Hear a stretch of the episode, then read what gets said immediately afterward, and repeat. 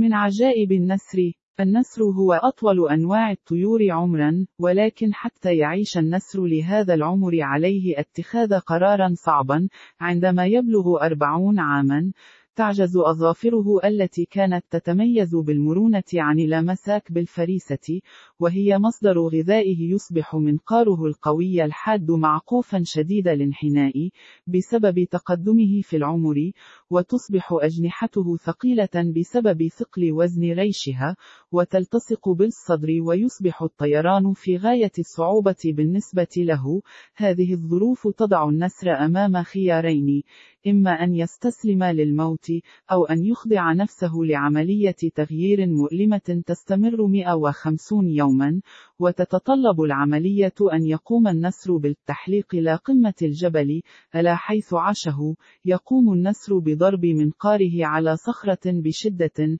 حتى تنكسر مقدمته المعقوفة، عند الانتهاء من كسر مقدمة المنقار، ينتظر النسر حتى ينمو المنقار من جديد، ثم يقوم بعد ذلك بكسر مخالبه أيضا، وبعد أن تنمو مخالب النسر، يبدأ في نتف ريشه القديم، وبعد خمسة أشهر، يطير النسر في رحلته الجديدة، وكأنه ولد من جديد. ويعيش ثلاثون سنة أخرى، سبحان الله العظيم.